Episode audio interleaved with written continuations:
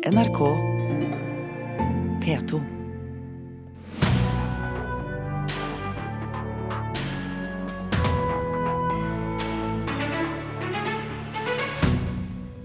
De er en gjeng tapere. Det sier kunstneren Bjarne Melgaard om kritikerne av dødshuset hans på Ekeli. Riksadvokaten vil ikke at offentligheten skal få vite hva vitnene så og forklarte i legevaktsaken der en døde. Kanskje blir det rettssak igjen. Og det er ikke bare i USA kampen om valgkampen pågår. Også TV 2 og NRK konkurrerer om seernes gunst det neste døgnet. Og begge parter kommer hit for å fortelle deg hvorfor du bør se på akkurat deres kanal, og ikke den andre, TV 2 eller NRK. Svaret får du om ikke så lenge. Bjarne Melgaards planlagte kunstverk 'Dødshuset' har fått mange klager. Boligen skal etter planen bygges på Ekeli utenfor Oslo, eller i Oslo i og for seg, samme sted som Edvard Munch bodde. Det har skapt mange reaksjoner hos naboene, og nå svarer Bjarne Melgaard for første gang på kritikken, og han holder ikke tilbake i sin beskrivelse av kritikerne. Altså Jeg syns at det er liksom sånn bare en gjeng med tapere som sitter og uttaler seg om ting som de bare burde passe sine egne saker. Bjarne Melgaard er krass i kritikken han har mottatt for sitt nye kunstverk. House to Dine, eller Dødsboligen, er et samarbeidsprosjekt mellom Melgaard, tomteeier Selvåg og arkitekter fra Snøhetta. Tidligere i år fikk prosjektet tommel opp av Byantikvaren, men da reagerte de som skal bo ved siden av det mulige kunstverket. Det er først nå Melgaard svarer på kritikken. Munch gikk aldri rundt på den ø, tomta, for det første. Og bygging av Ekely har bidratt til å Ekely-kolonien har bidratt mye mer til å ødelegge Munchs hus enn mitt hus noen gang har gjort. Det er liksom en sånn en stort barn som 'Jeg får det ikke som jeg vil ha det'. Liksom Litt sånn, syns jeg, da. Det sier skulptør Kirsten Kokin om Melgaards utspill. Hun er en av de totalt 19 personene som har klaget inn Melgaards dødshus. Plutselig kan man begynne å lure på om man liksom egentlig bare har tenkt å sette seg i bokstavelig stand over Ekeli-boerne. Er det det det dreier seg om? Og liksom på en måte fremheve sin egen viktighet i forhold til Munch, i forhold til alle vi andre som bor der. Da Munch bodde på Ekeli, brukte han stedet i flere av sine malerier. Kokin er nabo til den potensielle dødsboligen og syns kunstverket i seg selv er interessant. Og, og liksom i det hele tatt å kunne få til en kjempestor skulptur som et byggverk syns jeg er veldig spennende, men jeg syns det er fullstendig malplassert akkurat der på Ekeli. Det syns jeg. Huset skal etter planen bli laget i svartbrent, forkullet eik, og under huset vil han ha et basseng fylt med vann. En av Nordens mest markante kunstfotografer, Per Maning, er også potensiell nabo til prosjektet. Han har klaget og er klar i sin sak. Jeg vil ikke ha et eneste hus der oppe. Det skal være fritt, og det kan, jeg syns det skal settes i stand til å bli et ø, område som ø, folk, kunstinteresserte fra hele verden, kan komme og se på. Og også da nærmiljø kan komme, oppholde seg i. Det er masse barn rundt her som leker der og så videre. sånn. Dette er ikke for barn. Jeg er ikke interessert i barn. Jeg liker ikke barn. Og hvis, ikke, og hvis de skal ha barna sine oppi det huset, så får de passe på dem. Så faller de ikke i det bassenget. Det sier Bjarne Melgaard. For en måned siden ble kunstverket og klagene sendt til Riksantikvaren for en endelig avgjørelse. Det er ikke en skog, det er en, en busker og kvister som står der. Og det er Per Maning, og han er Norges mest talentløse fotograf, som har brukt det prosjektet kun for å få oppmerksomhet på de grusomme fotoene sine, som ingen har orket å sett de siste 20 åra. Og slik reagerer Per Maning.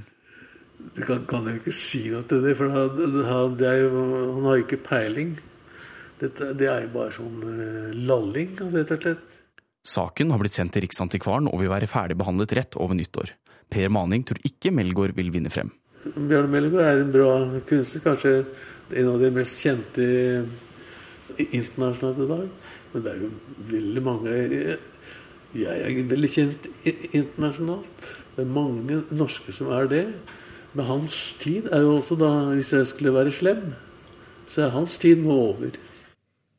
Reporter her, det var Filip Johannesborg. Du hørte Per Maning til slutt der.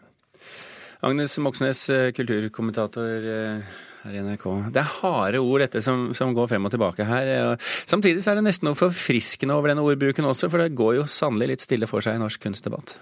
Ja, det gjør jo ofte det. og når, Det er klart at når, når Bjarne Melgaard bruker begreper som de kommende naboene som tapere og talentløse, så gjør han vel ikke akkurat det for å sette en stopper for en akselererende nabokrangel. Det er ikke liksom det beste innlegget jeg har hørt i så måte. Men det er selvfølgelig veldig forfriskende og, og særdeles lite ydmykt. Og det sier kanskje noe om at Melgaard har bodd og jobbet i New York i veldig, veldig mange år. Og det gir ham vel en frihet til å rope høyt, der det mer innadvendte norske miljøet det går litt stillere i dørene, da. De er jo uenige her, det, det skjønner vi eh, nå. Men hva er de egentlig uenige om? Ja, altså Vi snakker om stedet der Munch hadde atelieret sitt. Det er fredet, og, og, dette området var et yndet motiv, som vi hørte i denne reportasjen også, for, for Munchs eh, eh, kunst. Og den fredningen betyr at man ikke ønsker å Eller at man ikke skal eller at Den fredningen betyr at man skal bevare områdets eh, karakter. Og det er det liksom rent prinsipielt denne krangelen eh, går ut på. Eh, men, men Eh, det til tross så må, tror jeg man må også huske her at dette dødshuset som Melgaard vil ha plassert der, det ligger akkurat i kanten, altså utkanten av dette fredete området. Det syns ikke fra tomta til, til Munchs eh, atelier. Så her er det definitivt veldig mye av en nabokrangel på, på, gang. Og vi må også huske at naboene har allerede rukket å bruke ganske sterke ord, de også. De mener at dette handler om miljøkriminalitet. At uh, Melgaard ikke kan måle seg med Munch, og at han er i ferd med å ødelegge dette fredelige området. Så, så kommentaren hans falt ikke helt i et vakuum? Med andre ord. Nei, det gjorde ikke det. Eh, hva slags område i Oslo er dette? Ja, det ligger, skal vi si, det er mest kjente bygget i nærheten er vel Radiumhospitalet. Ligger en liten kilometer unna det. Veldig varierende villabebyggelse fra liksom gedigne eneboliger til da disse 44 forholdsvis enkle kunstnerboligene som jo faktisk ble bygget på denne tomta til Munch eh, på 50-tallet. Og her har det bodd mange kjente kunstnere. Torbjørn Egner, altså den skogen der mm. Melgaard vil bygge, blir jo kalt Hakkebakkeskogen. Nils Aas har bodd der, Bård Breivik Sossen og Gri Krog. Og jeg vil vel tro at det er derfor også eh, kunstnere som Per Maning og Kirsten Kokken bor der i dag. Nå ligger dette eh, spørsmålet på Riksantikvarens bord, og vi hørte her at det skal komme en, en avklaring på det eh, over nyttår en gang. Eh, rett over nyttår. Um, by, byantikvaren har nå akseptert det uten innvendinger. Så er spørsmålet hva tror du Riksantikvaren kommer frem til? Det vet jeg ikke, men altså hvis man ser på dette, som en, dette prosjektet som en ikke-nabo, da, så virker det jo på meg som et nesten helt perfekt sted for den, liksom, denne skulpturelle bygningen som Bjarne Melgaard vil oppføre. Det er Norges, tror jeg, største kunstnerkoloni. Munch bodde der fra 1916 til han døde i 1944.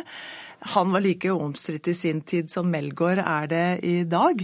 Eh, og så vil jo dette være med på å gi Oslo et særpreget eh, og originalt eh, bygg, som kanskje vil være med på å åpne dette området for folk som ikke aner hvor Munchs atelier ligger i dag. Og jeg vil tro at alle disse argumentene kommer nok Riksantikvaren til å måtte løfte opp. Vi får se hvordan det vikler seg ut, Agnes Moxnes. Vi følger i hvert fall med her i Kulturnytt.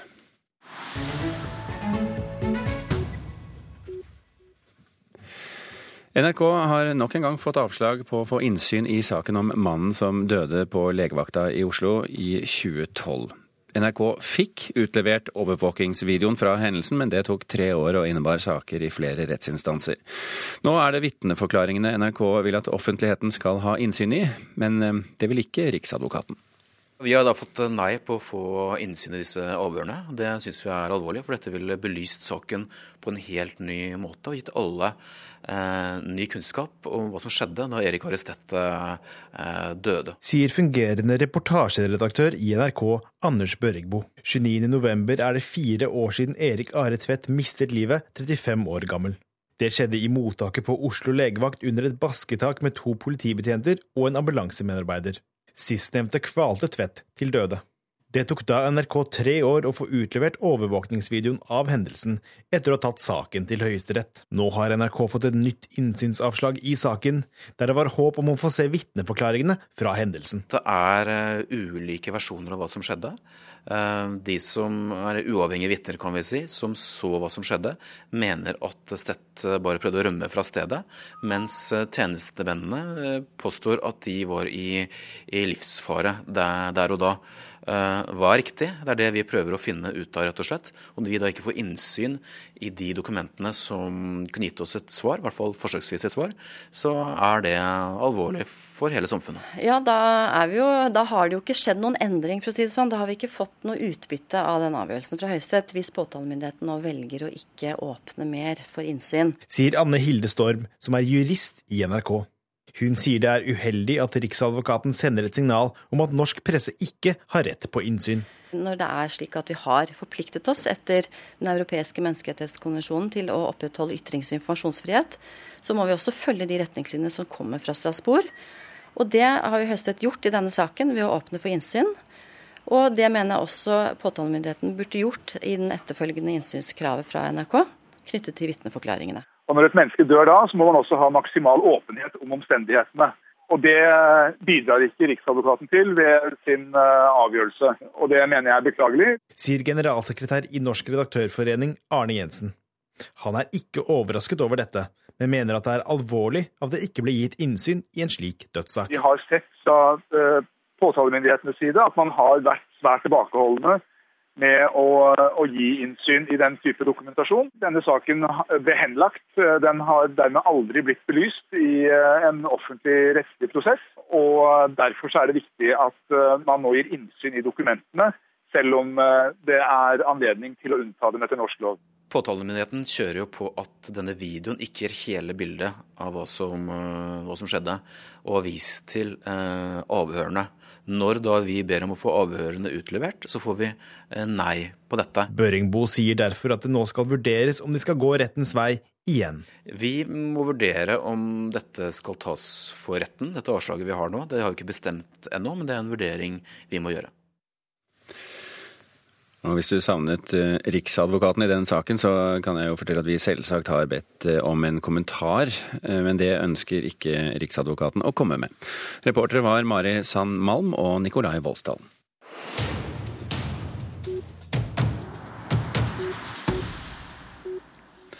Nå i november skal Sondre Lerche holde konserter i Paris og Berlin. Men for første gang på lenge skal han også ut på en omfattende norgesturné i små og store byer fra nord til sør og øst til vest eh, til neste år. Det er over nyttår. Vi møtte Sondre Lerche i New York, der han bor og arbeider.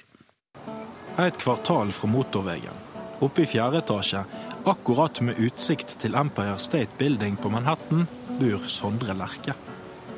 Det er elleve år siden han rømte hit fra kjendisstatus i Norge. Jeg, jeg digger å, å, på en måte lure meg unna her, og at, at det er et slags fristed. Nå sitter jeg liksom oppe i tårnet mitt og, og kan koke på med mitt uh, innimellom slagene. Det digger jeg. Ok. det er her han skriver ny musikk. Already over trying to be alone Brushing up on feeling free Det var en periode jeg, jeg eh, jeg, jeg, bare ville være her, og jeg ikke ville spille hjemme. Jeg ville ikke spille noe sted. Jeg ville bare turnere i USA. Jeg ville bare leve i sus og dus her og, og, og, og på en måte sluttet å ta telefonen og meldte meg litt ut hjemmefra. Bergenseren klarer seg bra i USA, men nå melder han seg på igjen hjemme. Jeg hadde lyst til å gjøre en gang for alle en sånn ordentlig, ordentlig norgesturné. Jeg vil spille alle steder, og ikke minst jeg vil spille alle steder jeg ikke har vært før. På nyåret blir det konsert i Ås og på Ål, i Vadsø og i Fosnavåg, og over 30 andre steder her i landet. I'm always watching. I need to see you. I'm always watching. If I can't be with you. Ikke noe vondt om Fosnavåg, men det er langt derfra til nabolaget i Williamsburg. Dette er den eldste eh, restauranten som er fremdeles i samme familie i Brooklyn. En sånn italiensk eh, mafiarestaurant. Nei. Men det er jævlig fint der inne. Sondre Lerche har ikke planer om å flytte tilbake over Atlanteren. Hey! What's going on down there? Are you making burgers? Are you making burgers? Oh my God. Well, God bless you. Men han ser fram til nytt album og å melde seg på igjen som artist her til lands. Det er samme musikken og jeg er i samme fyren, men du, følger, du fyller på en måte to forskjellige roller. Så i USA så er jeg jo en slags nisjeartist med et veldig trofast og dedikert publikum som jeg har bygd opp uh, siden starten. Um, og et publikum som føler at de liksom vet om en hemmelighet som ingen andre vet om. Og det bygger jo en annen type dialog enn en f.eks.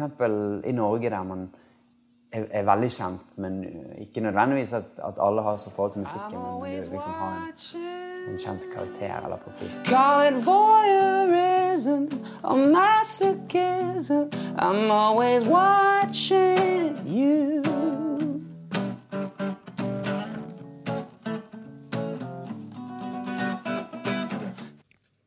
Og reporter i New York, det var eh, Oddgeir Øystese. Klokken har passert 18 minutter over åtte. Du hører på Kulturnytt, og dette er toppsakene i Nyhetsmorgen. Hillary Clinton har økt sin ledelse over Donald Trump. På et gjennomsnitt av de 13 siste målingene leder hun nå med 3 prosentpoeng. Flere pårørende enn før sier nei til organdonasjon. Det har ført til færre hjertetransplantasjoner. Og store mengder nedbør traff Svalbard, Svalbard, i går kveld og i natt. 140 mennesker er fortsatt evakuert fra husene sine pga. det ekstremt milde og våte været. Natt til i morgen norsk tid skal USA velge sin neste president, og det i en valgkamp hvor mediedekningen av kampen mellom Hillary Clinton og Donald Trump har vært formidabel. Og til selve valgnatten har både NRK og TV 2 brukt eh, store summer på å sette inn ekstra ressurser. Karianne Solbrekke, nyhetsredaktør i TV 2, og Anders Børringbro, som er reportasjeredaktør i NRK Nyheter, velkommen begge to. Takk. Takk. Eh, Solbrekke, hvorfor satser TV 2 så hardt på å dekke valgnatten?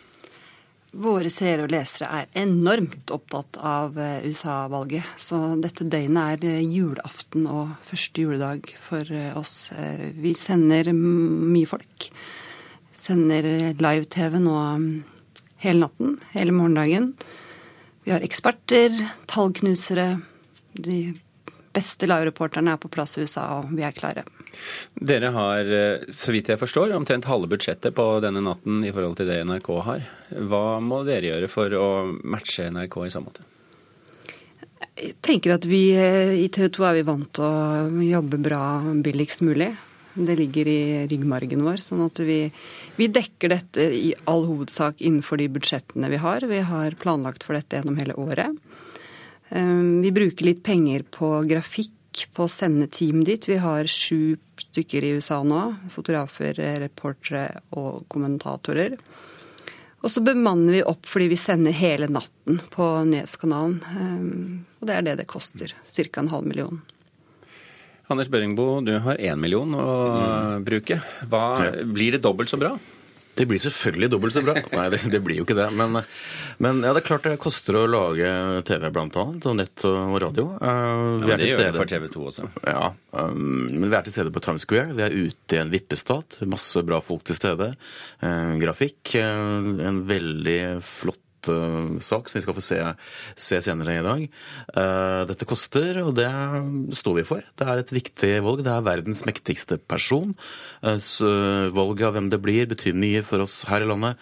Så det kan vi stå for at vi bruker de pengene. Mm. Vi, vi, har jo nå sett så mye at um av denne valgdekningen at eh, mengden mennesker som begynner å bli lei, vokser og vokser. Hva, hva sier dere til dem, Solbekke? Jeg tenker de får holde ut et døgn til. Eh, det er eh, verdens viktigste jobb, og min, eh, min oppfatning av det er at folk er veldig opptatt av valget. Det ser vi på leser- og seertallene våre. Vi kan ha over 200 000 seere, over 100 000 videovisninger på nettsakene våre, og vi har hatt stor oppslutning rundt valgstudiosendingene våre. Så jeg tror at folk flest er opptatt av dette. Bengo. Ja, vi har også hatt over 100 000 eh, seere på disse nattduellene som har gått. Som har begynt klokka tre på morgenen. Så det er en fantastisk interesse der ute um, som vi bare må holde, holde på. Og det blir et viktig valg på alle måter. Så er det noen som sier at det blir for mange skandaler rundt Trump og også denne e-postskandalen på den andre siden. Men eh, personlig egnethet i en sånn eh, valgkamp er viktig for oss eh, også å dekke. Vi må huske at dette er en person med ganske stor makt, og da er dette som da blir omtalt som skandaler, som gjelder det personlige er også viktig å dekke. Men, men, hvordan vurderer dere balansen Solbrekke, mellom underholdning For det er jo masse gøyalt stoff, det må jo innrømmes, som ikke nødvendigvis har så veldig mye med politikk å gjøre. Men hvordan, hvordan vekter dere politikk kontra underholdning? Ja, vi prøver å være bevisst på det. Det er klart, det, Dette er jo en sånn tabloid eh, fruktfat eh, på mange måter, fordi at det er så utrolig tilspissa og aggressivt. Eh, og så er det nok vanskelig for folk kanskje å, å forstå hva Trump egentlig står for. Eh, det tror jeg, og Vi har hatt en bevissthet rundt det. Vi har jo bl.a. laget saken 'Ti grunner til å stemme på Trump', eh, nettopp for å prøve å, synliggjøre eh, saken det, klart det har vært en utfordring å dekke Trump. Vi har gått eh, inn i det. Vi har besøkt mange av hans kjernevelgere, bl.a. på de nedlagte eh, smelteverkene rundt eh, i Ohio f.eks. Så vi har tatt hans velgere veldig alvorlig. Prøvd å dekke de miljøene som støtter han. Så jeg tror vi har landa bra her. Og det blir veldig spennende i kveld. ja, vi skal snart snakke om jazz her i Kulturnytt. Børingbo, hvis du skal improvisere en liten setning nå. Eh, hvorfor bør eh, seere se på NRK i natt og i morgen? Uh, grundigst, størst og best. Vi vil være først i verden med navnet på neste presidenten i USA. Er det et løfte? Ja. Karianne Solbrekke, takk for at du Takk for at du kom fra TV 2 til å snakke om eh, valget i Kulturnytt. Takk også til eh, Anders Bengvold. Fiolinisten Ola Kvernberg han har holdt seg til jazzen og stringsvingjazzen eh, sin snart 20 års karriere. Har spilt med både små og store orkestre. Todd Terje har utforsket diskoen og elektronikasjangeren. Og begge to har et publikum over hele verden. Musikkritiker her i NRK Svein Magnus Furu, nå har disse to svært forskjellige artistene slått seg sammen, og hva er det vi får da? Jo, da får vi en, en salig blanding av Oslo-diskoen, som Tom Terje eh, jobber med, og denne kammermusikalske jazzen som Ola Kvernberg eh, står for. Det som har eh, skjedd her, da, er jo at Ola Kvernberg ga ut en fantastisk plate som heter The Mechanical Fair i 2014. Den ble bl.a. nominert til Spellemann. Todd Terje han har sitt eget plateselskap. Han uh, forelsket seg i den musikken og ønsker å gi den ut som en dobbeltvinyl. Og I den sammenhengen så har han da også gjort en remix av den første låta på denne platen. Vi kan høre litt uh, nå.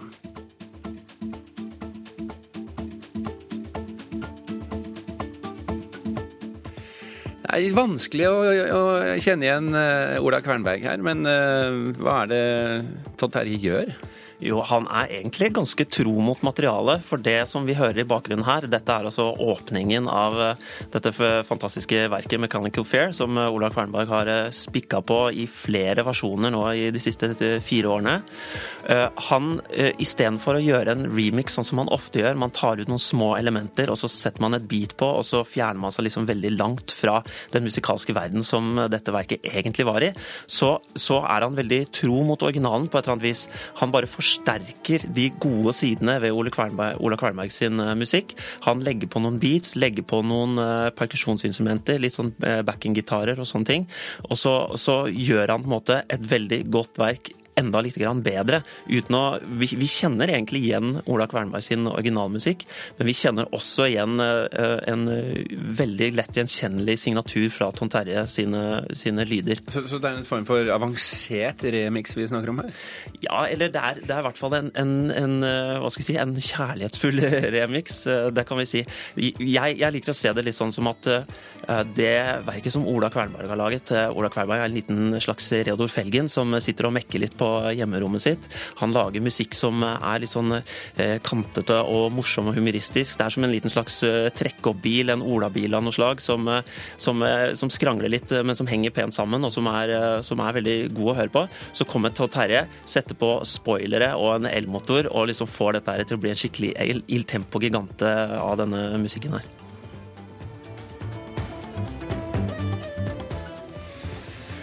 Hva er det som gjør dette så bra i dine ører? Jo, jeg syns det er en veldig veldig bra syntese mellom denne Oslo-diskoen og Trondheims eh, jazzmiljø. Det er på en måte Todd Terje får jazzklubben til å forsvinne litt ut på dansegulvet. Det liker jeg veldig veldig godt. Akkurat det er blitt forsøkt veldig mange ganger før, egentlig. Eh, denne kombinasjonen mellom jazz og house, eller jazz og clubbing, sånn som vi hørte i acid jazz-bølgen på 90- og 00-tallet. Men dette er noe helt annet. Altså, her har vi en DJ som nærmer seg dette materialet med en utrolig respekt, og som har samtidig en veldig veldig veldig god detaljsans. Det er en utrolig detaljrikdom i denne remixen her. som uh, Han evner altså å ta et sånt uh, uttrykk som ligger mellom klassisk uh, kammermusikk, jazz og amerikansk minimalisme, og gjøre det tilgjengelig og dansbart, sånn at det er vanskelig å sitte stille, rett og slett. Altså. Vi, vi, skulle gjerne spilt litt flere låter, men det har vi ikke kun, for det er bare én låt som er tilgjengelig foreløpig. Men på fredag så kommer det. Ja, på fredag så slippes uh, denne her. Uh, Toterre har gjort remix av én låt, og den er til gjengjeld da ti og et halvt minutt lang, så man får uh, masse valuta for pengene. Da havner den ut på alle streamingsider, og den ligger allerede tilgjengelig på hans Todd Terje sin egen Soundcloud-side til å lytte allerede i dag. Ja. ja. Så det er bare å følge med for de som er interessert i jazz-disko-elektronika. Ja, ikke sant. Det er en litt sånn uodd kombinasjon, men det låter veldig bra, altså. Svein Magne Surud, tusen takk for at du kom innom og snakket om dette for Kulturnytt. Eh, Tone Staude og Birger Kolsrud Aasund, som lagde dagens Kulturnytt, vi eh, runder av nå. Hør flere podkaster på nrk.no podkast.